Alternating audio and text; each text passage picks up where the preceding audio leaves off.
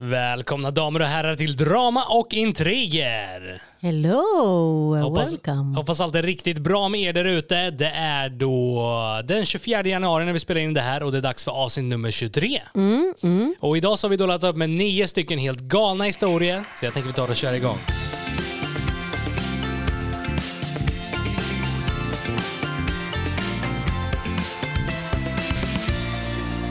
skrattade min granne i ansiktet. Jag är en man på 25 år som bor i ett stort hus som jag fått ärva av mina föräldrar. Huset ligger precis bredvid en lagom stor sjö och är väldigt vackert.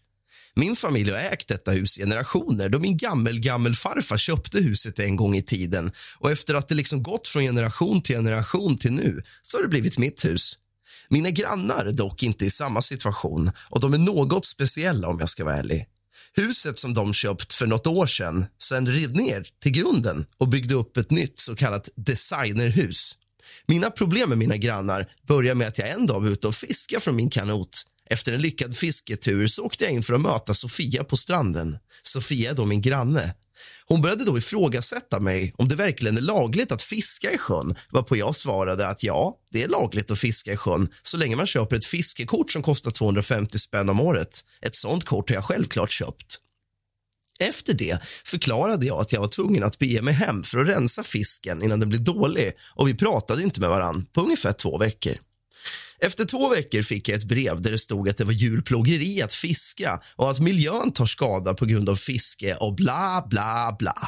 Hon ville kort och gott att jag skulle sluta fiska i sjön. Jag skrattade för mig själv och kastade in brevet i kaminen. Tiden efter det så ignorerade jag helt enkelt Sofia och hennes åsikter. De är inte värda min tid. För två dagar sedan hade jag några vänner över och man skulle kunna säga att drycken flödade lite grann.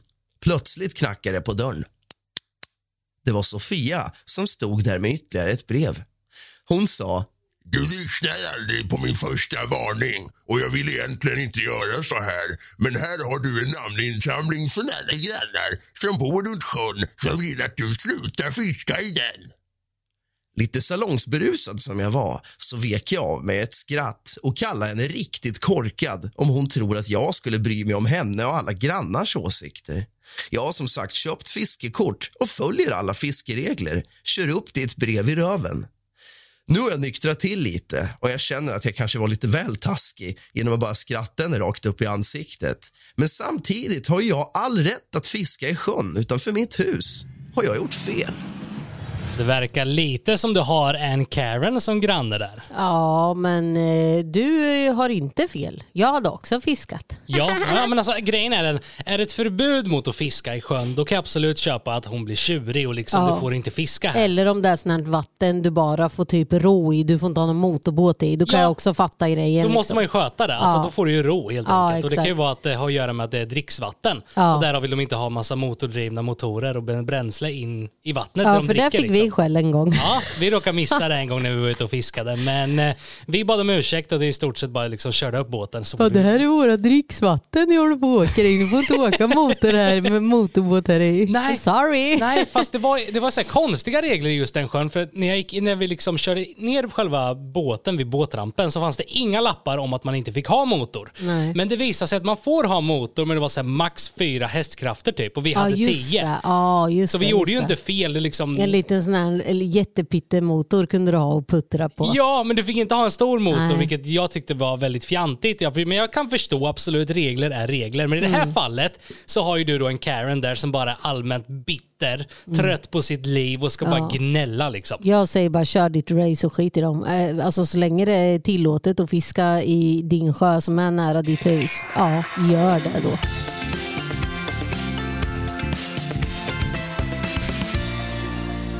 Måste jag bjuda hela klassen till mitt barns kalas? Jag skulle behöva lite hjälp och råd just nu då jag sitter i lite av en knepig situation. Jag är en kvinna på 28 år som har en dotter på 8 år. Min dotter är inte så jättepopulär i skolan. Hon har ett hjärta av guld men är tyvärr liksom lite introvert och blyg. Min dotter har fyra riktigt bra vänner i hennes klass där det går ungefär 30 ungar. Då ska jag även tillägga att några av dessa klasskamrater inte är speciellt snälla mot henne. Det börjar nu bli dags att planera hennes nioårskalas då hon fyller år om en månad. Hon frågade mig om vi kunde göra någonting tillsammans. Jag, hon och hennes fyra nära vänner. Vår familj är inte fattiga, men samtidigt inte superrika. Vi har samtidigt aldrig haft ett stort barnkalas för min dotter. Hon har alltid själv velat hålla det lite mindre då hon som sagt är väldigt tillbakadragen som person. Vanligtvis så brukar jag, hon och hennes fyra vänner gå ut på restaurang och äta lite gott för att sen avsluta med att äta en riktigt god glass. Nåväl, ordet spreds på hennes skola om att hon skulle ha ett kalas och jag fick e-mail från hennes lärare där det var väldigt otrevligt skrivet och gjort av mig som förälder att bara bjuda några i klassen till en. Hon skrev att flera av barnen i klassen inte fått någon inbjudan och att de sen klagat angående det då de känner sig utfrysta och på så vis därför mobbar min dotter. Läraren förklarar att jag ska hålla ett kalas för så många måste jag bjuda liksom alla barn, inte några. Jag skulle aldrig ha råd som ensamstående mamma att hålla i ett kalas där det kommer över 30 barn, stå för all mat och aktiviteter och så vidare. Det går bara inte. Jag förklarade för läraren att det inte direkt är ett kalas som vi kommer ha. Det är snarare en liten get together för min dotter tillsammans med fyra närmsta vännerna. Nu får jag helt plötsligt massa arga e-mail från arga föräldrar som tycker att det är fruktansvärt att jag inte bjudit deras barn. De pressar mig sen att jag måste göra rätt för mig och bjuda deras barn också. Allt som allt så har jag fått tio stycken arga e-mail och jag börjar tänka på om jag kanske skulle ta och försöka bjuda alla barn. Jag vet bara inte hur jag skulle ha råd. Ska jag bjuda alla barn så vi får äta nudlar resten av året? Jag tycker absolut inte att du ska bjuda alla och den här läraren som eh, skickar ett argt mejl till dig, han ska ju skäms tycker jag. Han har inte med saken att göra och sen är det ju som så här att bara för att det, det går 30, ja men vi säger så här, 30 ungar i en klass. Ja. Men, men flickan umgås inte ens, hon umgås med fyra, det är hennes närmsta. Men om det hade varit som så här att hon bjöd typ 28 stycken i klassen och sen så är det två stycken som blir kvar då? Alltså så här, Ja men de det kanske är douchebags, då ska de ha, de ska inte komma på kalas då. För det finns ju en anledning till att du inte väljer att bjuda. Ja.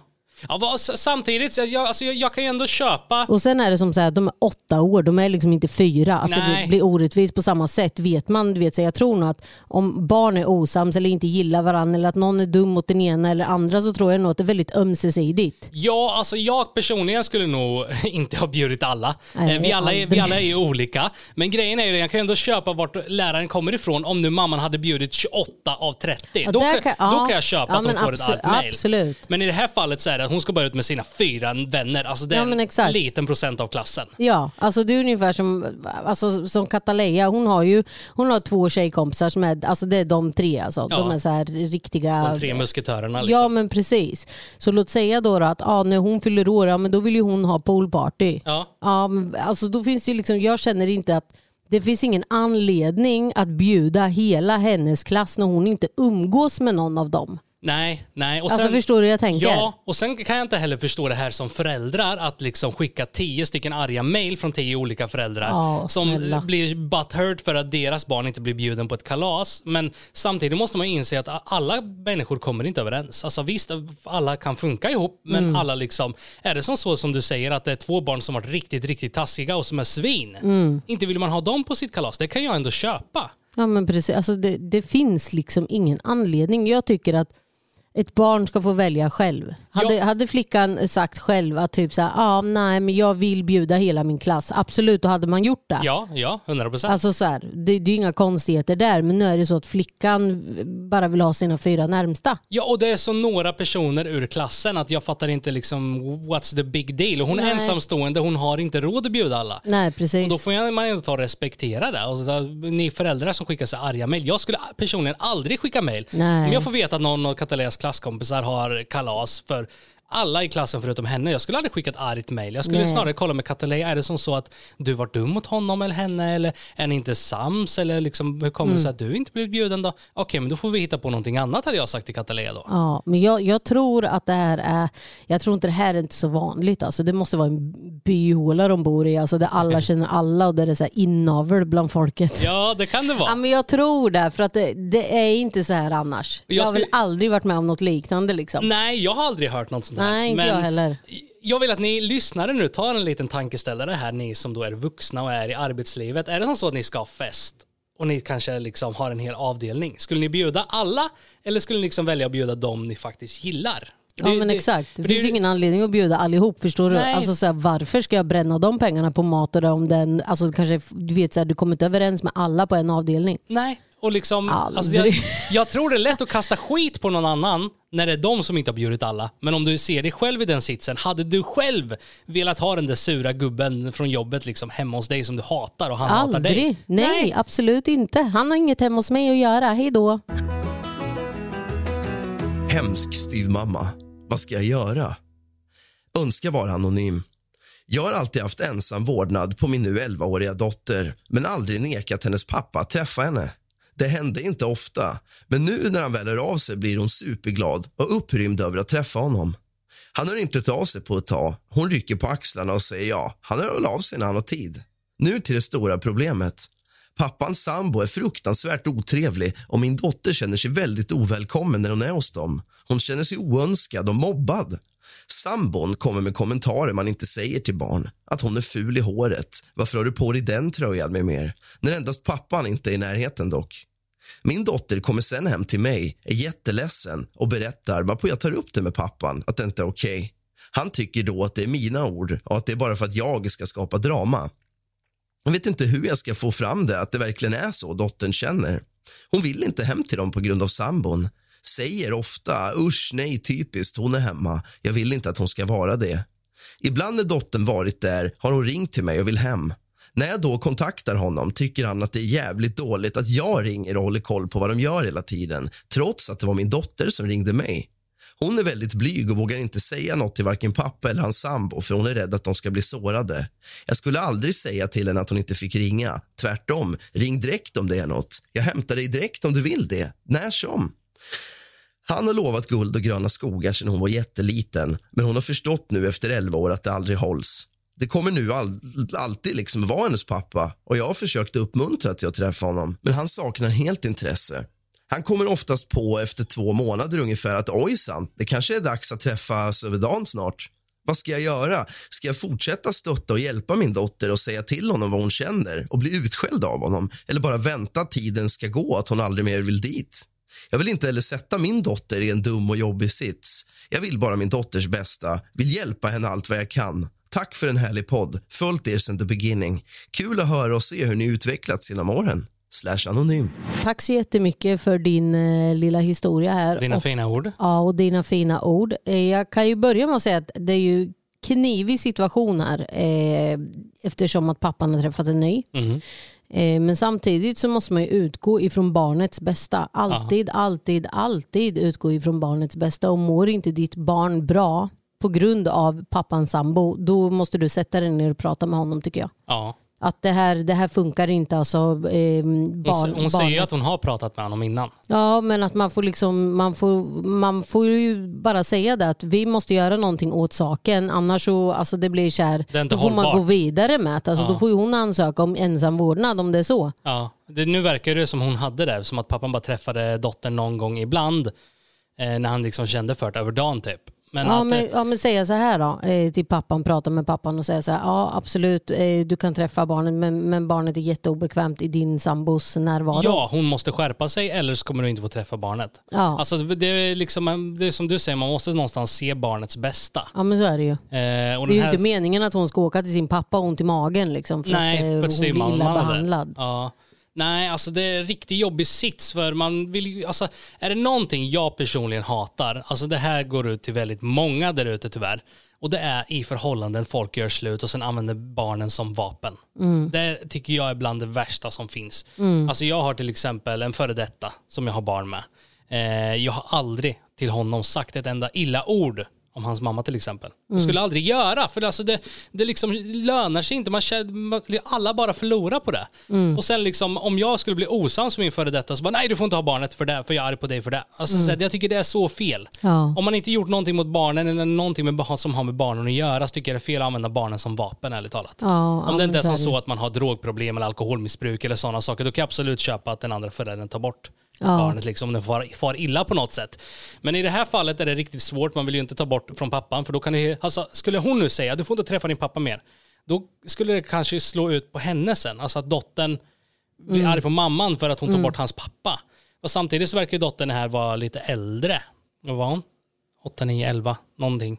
8, 9, 11. Ja, Nej, någonting. Jag kommer inte riktigt ihåg åldern, men alltså hon var inte jätteliten i alla fall. Så hon Nej. verkar ju själv förstå, som hon sa i historien, att eh, hans löften inte hålls och sådana saker. Mm. Och enklast är väl helt enkelt prata med dottern, hon är ändå lite äldre. Och prata och, med pappan. Och prata med pappan. Sitt ner ni tre och bara så här, alltså vi vet att hon är blyg och sådana saker men någonstans så måste det ju komma fram. Alltså så här, för det är inte meningen att hon ska behöva åka dit. Jag tror nog att han lyssnar nog bättre om han får höra det från dottern själv. Det tror jag med 100% och sen att man liksom pratar i en lugn Alltså lugnt, man står inte och skäller på varandra eller man Nej, höjer nej, inte nej. rösten utan sitt ner vuxna människor, ta ett samtal om att det så här är läget, hur löser vi det? Mm, och då finns det olika lösningar, att han inte har dottern mer, att han kanske är med dottern utan styvmamman, de kanske Ja. hittar på saker själva eller att styvmamman skärper sig liksom. Ja precis. Men samtidigt så är det en knivig sits, men det är väl de bästa råden vi kan ge eller? Ja det skulle jag säga. Poddtips från Podplay. I podden Något Kaiko garanterar östgötarna Brutti och jag, Davva, dig en stor dos skratt. Där följer jag pladask för köttätandet igen. Man är lite som en jävla vampyr. Man har fått lite blodsmak och då måste man ha mer. Udda spaningar, fängslande anekdoter och en och annan arg rant. Jag måste ha mitt kaffe på morgonen för annars är jag ingen trevlig människa. Då är du ingen trevlig människa, punkt. Något Kaiko, hör du på Podplay. Därför är gardinerna. Min familj hatar mig. Jag är en mamma på 20 år som har, tror eller ej, fått trillingar för cirka två månader sedan. Jag hade aldrig i min vildaste fantasi kunnat tro att jag skulle vara mamma till tre barn samtidigt under första graviditeten. Jag trodde verkligen inte det, men här är jag, mamma till trillingar. Hela dagarna i ända spenderar jag i mitt hem och tar hand om mina barn, vilket är ett heltidsjobb och lite till. Den lilla tid jag får över så försöker jag studera då jag har möjligheten att kunna studera online. Ibland dock så blir det lite väl mycket för mig att ta hand om trillingar. När det ibland är som värst och alla tre bara ligger och gapskriker samtidigt så vet jag ibland inte vad jag ska ta mig till. Jag får som ångestattacker och börjar på riktigt gråta. Min man hjälper till så mycket han kan men han måste ju också jobba så vi får in pengar och kan överleva. När det blir som värst och jag inte riktigt vet vad jag ska göra så brukar jag sätta mig utanför dörren för att få lite frisk luft. Nu snackar vi i bara några minuter för att få den värsta ångesten att lägga sig. Sen går jag in och tar tag i kaoset igen. En dag kommer min man hem och ser mig sittandes utanför huset medan barnen var där inne och grät. Han flippar ut totalt och börjar kalla mig för en hemsk mamma och väldigt mycket andra fula ord som jag inte finner lämpligt att nämna här. Han tycker att jag är en hemsk människa som bara kan ignorera mina skrikande barn och till och med utsätter barnen för fara. Han berättar även allting för sina föräldrar, så nu hatar i stort sett alla mig. Jag har själv inga föräldrar då mina föräldrar lämnade mig på ett barnhem som liten. Min mans familj är egentligen de enda personer jag har som jag ser som min egna familj. Därför gör det så ont i hjärtat att känna mig så hatad av dessa personer. Jag tycker verkligen inte att jag gjort något fel och vet inte riktigt vad jag ska göra. Har jag betett mig fel och ska be om ursäkt eller vad ska jag göra? Jag tycker att eh, de här eh, familjen, hans familj, han, alltså de behöver ju steppa upp för att eh, tre barn, alltså jag vet själv, Jason hade kolik, han grät och grät och grät och ibland vart man bara så här, äh, klar, man, blir dum i huvudet. Tre barn, alltså jag tycker det är väl Det är lite... inte en liksom. Ja, fast jag tycker väl ändå på något sätt att det är lite fel att bara gå ut när barnen där- bak, gapskriker. Ja, det ska man inte Men, göra. absolut, det ska man inte göra. Men här någonstans är det som så här, du behöver hjälp. Ja. Alltså det är trillingar, du kan inte göra det själv. Alltså Nej. så här, jag tror till och med att när man får tvillingar, eller om det är till och med trillingar, att man kan få hjälp av staten. Ja, Rätt, att man precis. får Nej, hjälp. Ja, precis. Att du får en, inte nanny, men du får liksom någon som kan hjälpa dig. Ja. Och jag tror i det här fallet så måste du ha det. Ja, precis. eller om man kan fixa så pappan kan jobba hemifrån. Eller Det vad ett barn har ont i magen, de har kolik eller någonting. Alltså det är ju omöjligt. Du, du är ju bara en person, en Ja. människa. Du kan ju inte klyva det på mitten liksom. Och jag har nog, så- alltså jag tror vi har svårt att stå och sätta oss in i situationen som själva inte har tvillingar till exempel. Ja, men fast när det är skrikande barn va, så kan jag ju sätta mig in. jo, jag men menar alltså, Jason, kommer du ihåg ihåg hur många du och jag liksom så här, vi, vi, vi fick sova alltså om, varann, alltså om vartannat? Ja, ja alltså man, man fick li- liksom stå och vagga honom nonstop Ja. hela tiden för att han hade kolik och kolik är ju då att magen inte riktigt är färdig. Mm. Eh, Så han hade jätteont i magen som spädbarn och sov väldigt lite och konstiga tider. Och, alltså det var ju tufft men jag tror fortfarande det är svårt att sätta sig in i hur det är att ha tvillingar eller trillingar. Ja, liksom. precis. Och vi tyckte att det var tufft när Jason var liten. Och då var vi var två vi två. Exakt. Förstå då en person på tre skrikande Ja, barn. shit. Alltså nej. Men jag tycker fortfarande det är lite fel att eh, liksom bara strunta i det. Alltså så här, gå ut. Alltså visst, de säger ju att barn, alltså barn, vad ska man säga? Det finns ju människor som anser att barn kan skrika, man kan lämna dem, det är liksom, det är deras sätt att prata typ. Men jag tycker personligen att det är fel. Eh, och om alla tre barn skriker, de det kan ju vara att de vill ha närhet, det kan vara så mycket liksom. det kan ju också vara så här med just med tvillingar och trillingar och sådana saker, att de triggar varann. Ja, att det är det kanske ju. är en som har ont i magen som börjar gråta, men då börjar de andra gråta för att den andra gråter. Ja, alltså, precis, precis. vilket helvete, ursäkta språk, det måste vara att vara ensam och ta hand om tre barn, eller två Men barn. där behöver ju, jag, för, jag förstår att de behöver få in kulor, liksom att han måste jobba. Men du måste också tänka på för det första dig själv, du är mamma, du ska orka med, du ska... Alltså, Ditt så här, psyke. Precis, istället för att du går in i väggen 100% ja men be honom då, kan du gå ner i timmar, kan du komma hem tidigare från jobbet, kan du lösa det på något sätt för jag behöver verkligen din hjälp. Kan du vara pappaledig? Kan vi Exakt. anställa någon som hjälper oss? Kan vi få hjälp av staten för någon som hjälper oss? För Ja. att tre, tre barn samtidigt, spädbarn, alltså det kan inte vara lätt alltså. Nej, verkligen inte. Men, men eh, alltså, all kuros alltså, till de som pallar. Ja, och samtidigt tycker jag att det är viktigt nu att om hela familjen hatar henne så gå och prata med familjen, förklara läget och Säg att att det det, är jättejobbigt. det var fel gjort av mig att gå ut men jag visste inte vad jag skulle ta mig till. Jag skulle kollapsa i panikångest annars. Jag behöver Ja. hjälp. Ja, Så precis. tror jag förhoppningsvis att familjen kanske förstår lite mer. Och, och kan hjälpa till kanske. förstörde min grannes mysiga stund. Jag är en man på 42 år som ibland kan ha, ja, vad ska man säga, något mer roligare humör än de flesta.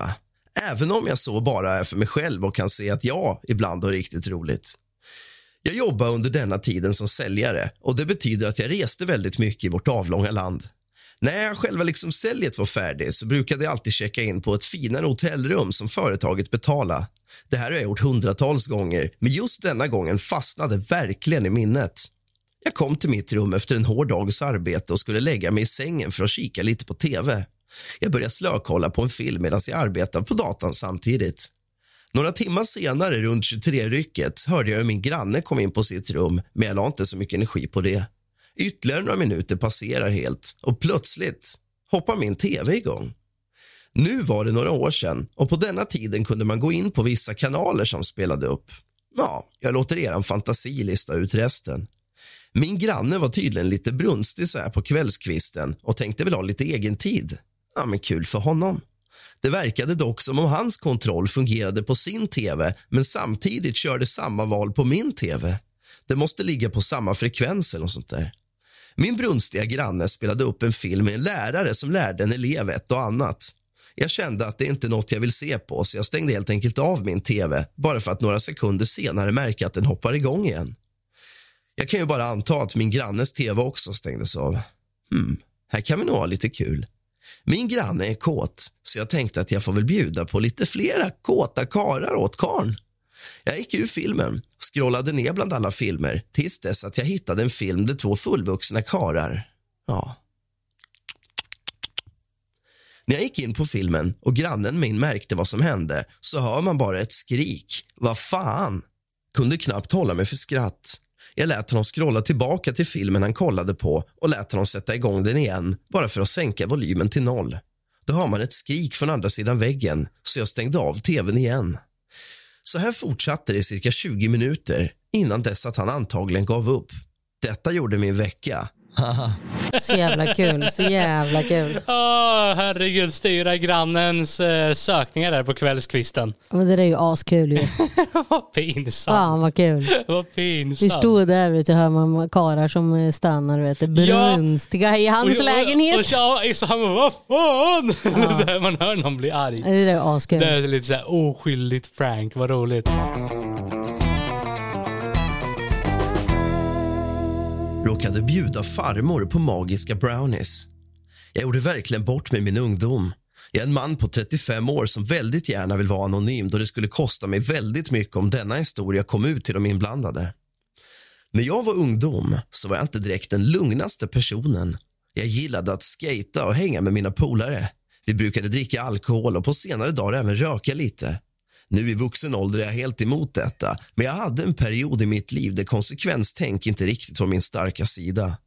Kompisgänget som jag umgicks med började röka mer och mer. Till slut var det i stort sett det enda vi gjorde om dagarna, vilket var kul till en början tyckte jag. Sen blev det väldigt enformigt och jag kände att jag skulle överraska boysen lite med att skapa något nytt. Jag hade ju talats om att man kunde baka saker och lite snyggt väva in det, liksom den hemliga ingrediensen så att säga. Sagt och gjort, vad kan gå fel tänkte jag. Vid denna tidpunkten bodde jag hemma och fick passa på att baka när resten av familjen låg och sov. Jag kom helt enkelt hem vid tvåtiden på natten efter att ha hängt med polarna, smög in i köket och började skapa mitt mästerverk. Ungefär två och en halv timme senare var jag färdig med mitt mästerverk och ställde min nybakta brownie längst bord på köksön. Jag la en handduk över och ställde även lite chipspåsar i vägen så att man inte skulle se själva formen. Så gick jag och la mig. Ungdom som man var vaknar man inte direkt klockan sex på morgonen. Så lagom när jag vaknar klockan 14 tänkte jag att jag packar ihop mina grejer och går iväg till grabbarna för att visa min överraskning. Bara för att märka att mitt mästerverk inte längre står på köksön. What the fuck?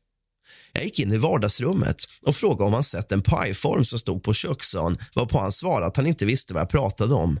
Jag frågade vart morsan var. Han sa att hon var iväg och hälsade på farmor. Morsan har alltså tagit med sig min brownie utan att ha någon aning om vad som är i. Undrar hon inte ens hur den hamnade där. Ska jag vara ärlig hade jag verkligen velat veta vad som hände. När morsan kom hem lite senare på eftermiddagen hade hon blodsprängda ögon och fnittrade väldigt mycket. Vi har aldrig pratat om detta, men jag hade gärna velat veta vad som hände. Skulle jag nämna det skulle de ju veta vad jag, att jag höll på med sådana saker, vilket jag absolut inte vill att de skulle veta. Det var den gången jag av misstag bjöd morsan och farmor på en magisk brownie. Nej, nej, nej. Men vem fan är så jävla dum i huvudet och bakar en sån hemma?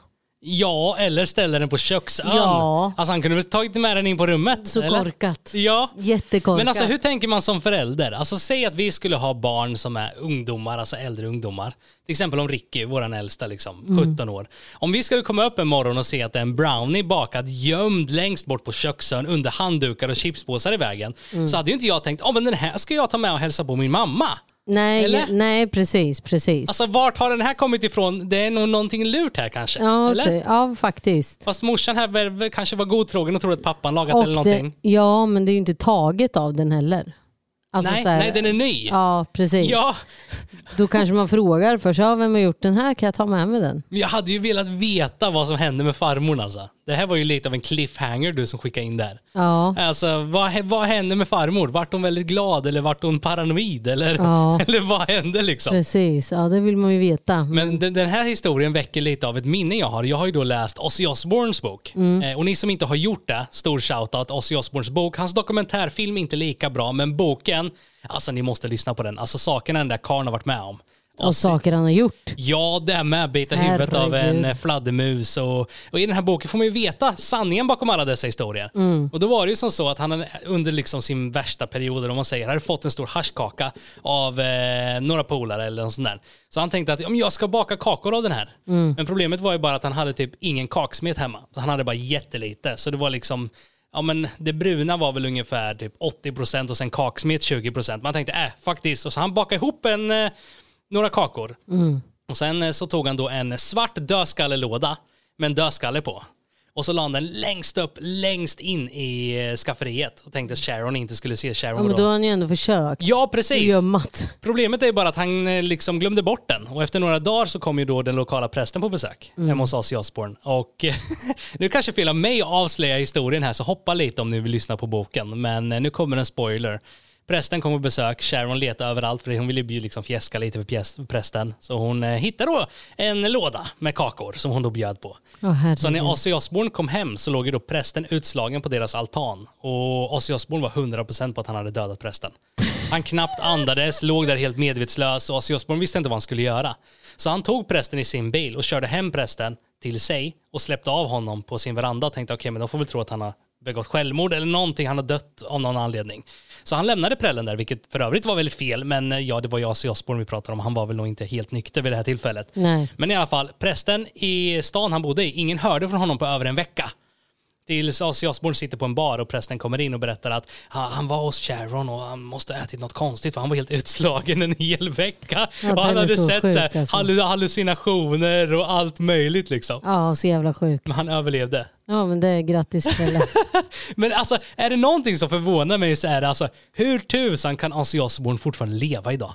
Ja, det är Alltså det är alltså. ett mirakel. Ja. Så mycket droger, Men han har ju alkohol. knarkat bort alla järnkällor som Ja. finns där. Han- Det är ju inte mycket kvar innanför det där det är pannbenet. ju inte det. Men alltså fortfarande att han ens kan gå efter att ha Ja. levt det där livet så länge och liksom stoppat i sig allt som han stoppat i sig genom åren. Ja, det är så sjukt Alltså alltså. det är ett mirakel för de flesta i hans ålder som hållit på mycket, alltså med droger och sånt, de är inte Mm. De kvar är idag. inte kvar, nej. Så vi kan säga som så här, summa summarum, barn där ute. Don't do drugs. Do not. Ett poddtips från Podplay. I fallen jag aldrig glömmer djupdyker Hasse Aro i arbetet bakom några av Sveriges mest uppseendeväckande brottsutredningar. Går vi in med hemlig telefonavlyssning och, och då upplever vi att vi får en total förändring av hans beteende. Vad är det som händer nu? Vem är det som läcker? Och så säger han att jag är kriminell, jag har varit kriminell i hela mitt liv men att mörda ett barn, där går min gräns. Nya säsongen av Fallen jag aldrig glömmer på Podplay. blottade mitt anus för alla på stranden. Ja, titeln säger ganska mycket. Fy fan vad pinsamt. Jag bara måste dela med mig. Historien utspelar sig förra sommaren. Jag var iväg tillsammans med några polare en riktigt varm sommardag. Vi var och badade i en riktigt fin strand i Motala. Det förtärdes mycket dryck och grillat som aldrig förr och vi hade det riktigt trevligt. Under dagen så märkte jag att väldigt många personer stirrade på mig men la inte så mycket vikt i det. Det är väl tolvbollar liksom som inte vet hur man har roligt själva, tänker jag. Timmarna passerade och solen började gå ner. Vi började packa ihop våra saker när det från ingenstans dök upp en äldre dam som sa Hej du lille man. Jag tror närmare bestämt att du har lite problem med badbyxorna. Okej, tänkte jag. Vad för problem? Damen pekade mot sin bakdel och gick sen därifrån. Jag stoppade bak handen och kände en riktigt stor reva i badbyxorna. Nu snackar vi inte en reva på sidan av badbyxorna. En reva rakt över springan, rakt över cracket. Ett extra lufthål för att vädra mitt jävla rövhål. Vad i hela helvete har jag gått så här hela dagen? Mina polare vek sig och garv när jag hittade hålet i badbyxorna. Tydligen har de alla vetat om detta hela dagen och skrattat bakom min rygg åt detta. Jag har alltså gått runt på stranden och blottat mitt stjärthål till allt och alla. Ja, hallå där. Mitt namn är Daniel. Vill du se mitt anus? Nej men ursäkta mig, hallå där. Skulle du vilja se ett riktigt fint stjärthål? Alltså shit vad pinsamt. Nu är ju inte mina vänners fel att jag hade ett hål i brallan, men vad fan. De kunde väl ha sagt något om det. Vad hade du gjort om din polare gick och visade anuset för allt och alla utan att veta om det själv? Alltså det här kommer ju mig osökt att tänka på när vi var i, eh, Granka- nej, Gra- Cypern. i Cypern Ja. nu senast. Ja. Då såg jag ett rövhål alltså utöver det vanliga. Då. Han hade exakt så här ju. Ja, exakt exakt. Han, bara att han lekte ju med sin unge i sanden och byggde, så gjorde ju sandslott. Ja. Så han var ju på alla fyra. Och det var alltså en reva som gick alltså från linningen upp till, alltså ner inte, till... att, att man inte märker att det fläktar väldigt mycket på något sätt, eller? Ja men alltså man såg ju hans rövhål. Ja, man såg allt. Det var så Eh, sjukt. Och här tycker jag, alltså visst jag kan förstå att polarna hade kul, men fan det var inte Jag frågade gjort. dig om man skulle säga till, du bara nej, gör ingenting. Jag frågade dig, ska man säga till Ja eller men, vad gör man? ja men det beror ju på, alltså känner man karn eller känner man människan så säger man ju till. Alltså det är samma sak, skulle jag gå med dig ut eller med en polare ut och jag ser att de har en stor jäkla finne till exempel. Ja, men det är lite elakt att inte säga eller? Ja, det är riktigt svinigt att inte säga. Alltså jag hade ju garvat, jag hade berättat för alla i sällskapet, kolla, och sen hade jag sagt till. För då är det roliga slut. Ja. Jag hade ju inte velat att polaren ska skämma ut sig hela dagen framför alla på hela stranden. Nej, precis. Och det är liksom, skulle vi vara ute med Rask och han har en spreva, jag ska för fan Rask, vart fan hittade de där shortsen? Har du känt till ditt rövhål eller? Ja. Och så skulle han bara, få panik och så skulle han lösa sig, ta en handduk runt eller vad som helst. Ja. Men det här var ju riktigt svinigt gjort av polaren att låta honom springa där på stranden, alla stirrar hela dagen. Ja men så är det ju. Man måste ju säga till. Och det är Ja. samma sak om jag märker till exempel att någon polare har någonting i pannan eller en snorkråka som sticker ut. Alltså jag har alltid varit den Ja. personen som säger till. Ja, och det det är ju så här, då kan vi ju komma för, alltså så här, vi gjorde en utmaning till vår YouTube-kanal med Rask och konstiga bloggen. Åh herregud. Och där sa ju du till Rask. Ja, alltså grejen var Åh herregud. vi, eh, vi ska, hade gjort the, the Cruise Challenge eller något sånt där. Och då hade vi stoppat ut en luftmadrass på vattnet som vi skulle stå och brotta ner varandra från med, så här, typ, ja, med kuddar eller vad vi skulle brotta ner varandra med i alla fall. Och grejen var den att vi stod ju och körde några utmaningar. Och sen är plötsligt står man och kollar ner och så liksom, ja, rask. Ser du pungsäck? Rask, nej det var, det var faktiskt snorren som hängde ut. Alltså han hade ett hål fram i byxan, eller typ mellan, mellan benen.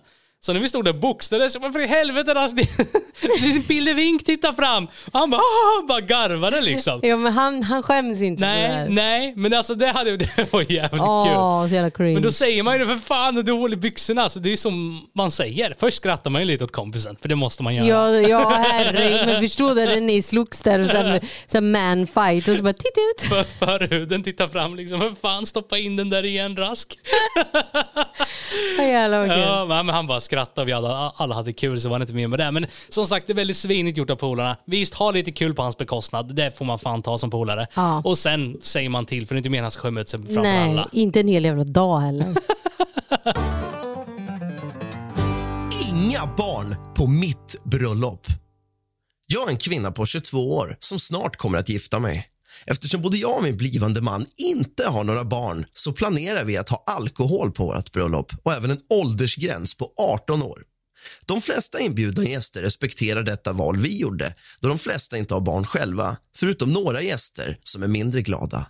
Jag har en tjejkompis på 17 år som vi kan kalla för Klara. Efter att hon märkte att i stort sett alla i vår vänskapskrets är bjudna på vårt bröllop så fick jag förklara för henne att hon tyvärr inte kan komma då hon inte har åldern inne. Det är inget personligt, men jag vill inte ha någon under 18 år och som ska dricka på mitt bröllop. Klara anklagar mig nu för att vara den sämsta kompisen någonsin och att vi båda druckit tillsammans tidigare. Så vad spelar det för roll, menar hon. Jag sa att det var skillnad. Vi var båda mycket yngre då. Nu är jag vuxen och känner att jag har ett ansvar att se till att ingen under 18 år dricker på mitt bröllop. Jag känner också att jag som brud på bröllopet har lite att säga till om då det är mitt bröllop. Klara snackar nu massa skit bakom min rygg till alla i vår vänskapskrets och jag tror tyvärr vår relation blivit förstörd på grund av detta. Jag fattar bara inte varför hon inte kan acceptera läget. Jag vill inte att någon under 18 år ska dricka på mitt bröllop. Har jag gjort fel här? Alltså det här, ja lite fel tycker jag faktiskt att hon har gjort här. De har druckit innan. Och är det som så att eh, hon inte vill att kompisen som är under 18 år ska dricka, så säg det. Du får komma, men du får inte dricka. Alltså förstår du? Alltså det är väl inte mer än rätt. De har ju druckit tillsammans tidigare. Eh, jag uppmuntrar ingen under 18 år att dricka alkohol, men alltså om hon inte vill det, säg det. Du får komma, men drick inte. Ja precis. Och sen är det också som så här att det är deras dag. Är det, har de valt det så är det alltså så. Ja, ja, det är ju deras bröllop. Får Det man de ju som- gilla läget men vi är jävligt fittigt alltså. Ja, väldigt svinigt gjort. Och alltså någonting man skulle kunna göra som jag har varit med om och som vi har gjort, eller nej det har inte vi gjort, men eh, det finns folk som har gjort det där ute. Och det är ju liksom ha själva vigseln, ja men då är alla barn och alla välkomna. Men sen Mm. på själva festen så är det liksom, okej nu är vi vuxna. Ja precis. Då får Det- man ju skaffa barnvakt. För jag kan ju ändå tycka att alltså, så här, barn på, alltså, visst man kan ju äta och sådana saker men framåt kvällskvisten där så tycker inte jag barn har någonting på bröllopsfesten att göra om det nu är som så att alla dricker. Mm. För det brukar ju drickas ganska häftigt på bröllop. Då kan ju alla vara närvarande i kyrkan liksom när ceremonin. Ja, men precis. Och det är samma sak det här med på krogen med. Någonting jag inte fattar. Det är föräldrar som tar med sina barn och går ut och super på krogen. Nej. Alltså jag har sett det så många gånger. Man går och kanske går förbi en bar och så sitter de där och äter. Föräldrarna sitter och super. Alltså se, Mm. nu snackar vi liksom inte vid åtta på kvällen och tar något glas öl till maten. Det kan jag förstå. ja. Nu snackar vi om sådana som klockan är kanske 10-11 på kvällen. Barnet sitter bredvid med en iPad och föräldrarna sitter och super. Ja det är så jävla illa. Jag tycker det är så hemskt att se att barn, Ja. barn ska inte behöva vara i den miljön. De ska Nej. inte liksom, det är fulla människor, eh, människor som inte alltid tänker klart. Ja, de ska och- inte växa upp sådär alltså. Nej, de ska inte behöva se sånt. Och det Nej. tycker jag personligen är väldigt fel. Och det är tyvärr må- många föräldrar som gör. Mm. Alltså jag och Doris själva, nu dricker ju inte vi alkohol, men alltså innan när vi gjorde det så vi drack ju aldrig framför våra barn. Nej, nej, vi skulle ju aldrig ta med oss alltså, dem ut på Harrys eller O'Larrys eller vart man än käkar liksom, och, och sitta och supa och de sitter där med en iPad bara. Ja, och nu snackar vi ju inte om en, två, kanske till och med tre öl till maten eller vin till maten. Så nu pratar vi ju alltså, man har ätit klart. Och man där jättesent t- på kvällen. Ja, man har ätit klart och man liksom sitter och shottar. Och, alltså, det, det, det tycker jag är så fel. Ja, det är det. Men sen är det ju upp till varje förälder att bedöma det själva, men vi kan ju bara säga vad vi tycker i alla fall. Ja. Hej Doris och Christian. Jag lyssnar på varje avsnitt och älskar dem allihopa och blir bara mer och mer fäst för podden för varje vecka som går. Tusen tack för det bra jobb ni gör. Jag vill vara anonym då den här frågan kan vara lite känslig för de inblandade. Det är så att jag har tre stycken barn och har en svägerska som har ett barn. Den här dagen var hennes man sjuk. Jag frågar henne om hon kan köra mig till affären men hon säger att det inte går för att hennes man är sjuk och att hon är ensam med barnet som också är dåligt och därför inte vill lämna hemmet. Jag får istället skjuts av min pappa.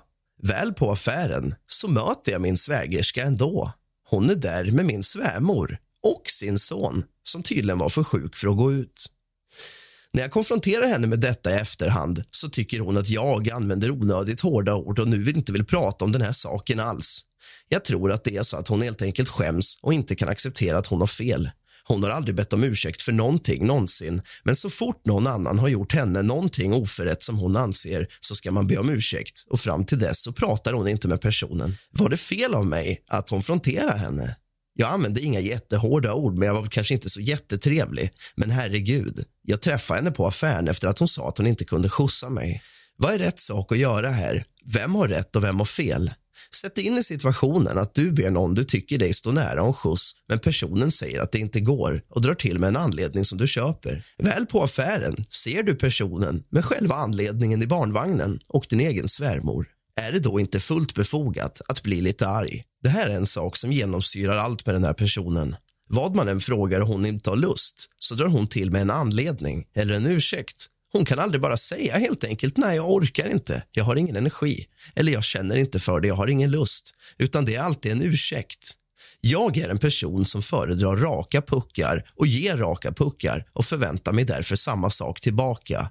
Därför blir jag alltid frustrerad och lite arg när jag märker att det är ursäkter. Jag blir då förnärmad och upplever det som en lögn då jag under hela min uppväxt präglades av lögner och därför är allergisk mot dem idag. Tack vare den här uppväxten och alla lögner så är jag av den uppfattningen att en rak, ärlig puck träffar bättre än en sned lögn. Jag tycker att du gjorde helt rätt. Alltså, Alltså, vi- så jävla douche. pinsamt. Alltså vad pinsamt för eh, henne, alltså i affären Ja. och bara oh fuck. Ja. Du vet du har sagt nej till personen, bara det går inte, nej det går inte. Och så går du till affären själv och så stöter du på Ja, personen. vad Nej, vad pinsamt. pinsamt. Alltså det är så jävla pinsamt att jag vill alltså, sjunka under jorden. Vad Ja, och pinsamt. lite är det som så att skit ska skit ha. Alltså, är det som så att hennes barn var sjuk och pappan var sjuk och gör det pappan inte kan ta. För övrigt tycker jag det är väldigt fel av pappan här och inte step up, hallå. Det Mm. handlar om affären, det handlar om en kvart. Ja. Är det inte som så att du ligger döende i sängen, alltså så här, så verkligen, verkligen jättemega sjuk. Är det Mm. så att du har en man cold, man up, ta hand om barnen i en kvart medan de åker till, frugan åker till affären. Ja exakt. Men i det här fallet så, ja men fine, okej, men då kan jag nog köpa, köpa liksom att och sen har hon inte tagit kunde med skjutsa. svärmorn. Ja, och barnet med ja, som är så herregud. sjukt och inte kan lämna. Ja. Alltså det här var riktigt douchebagigt gjort och det, jag tycker inte det är fel att säga det till personen. Tycker inte jag heller. Jag tycker det var helt rätt gjort. Och sen är det ju som så att är det sådana här människor som bara ljuger, alltså vad jobbigt att leva med sådana. Gud. Alltså det- jag personligen tycker ju att alltså, ärliga svar håller längst. Är det som så bara Ja. tyvärr jag orkar inte. Ja men Eh, precis, alltså så det hade inte kostat så mycket att bara vara ärlig liksom och bara säga nej tyvärr jag pallar inte. Ja, och sen skulle man då träffa på i affären för man åker, ja men morsan skjutsar mig, jag orkar inte köra. Till Ja. exempel. Ja. Då kan man ju ändå liksom vara ärlig, för hade hon varit ärlig från början så hade det inte liksom hade hänt något. Mm. Eh, nej, men alltså väldigt jobbig sits, men eh, för henne, pinsamt. Alltså gud vad pinsamt. Eh, med all, all rätt också, skäms. Ja, verkligen. Nej, det där gillar vi inte. Nej. Men du gjorde helt rätt som sa till. Alltså, så- hon ska få känna fan i mig alltså. 100 procent. Ja. Och är det som så här att du som lyssnar kanske har ett dilemma, en historia eller ett problem som du vill att vi ska lyssna och säga våra åsikter på. Du kanske behöver hjälp med något eller kanske vill berätta något skoj. Mm. Så skicka in till oss, mejla. Vi har då mejlen drama och intriger hotmail.com. Eh, drama och intriger hotmail.com. Stort tack för att ni lyssnade kära vänner. Vi hörs helt enkelt nästa onsdag klockan. 06.00. Puss och kram.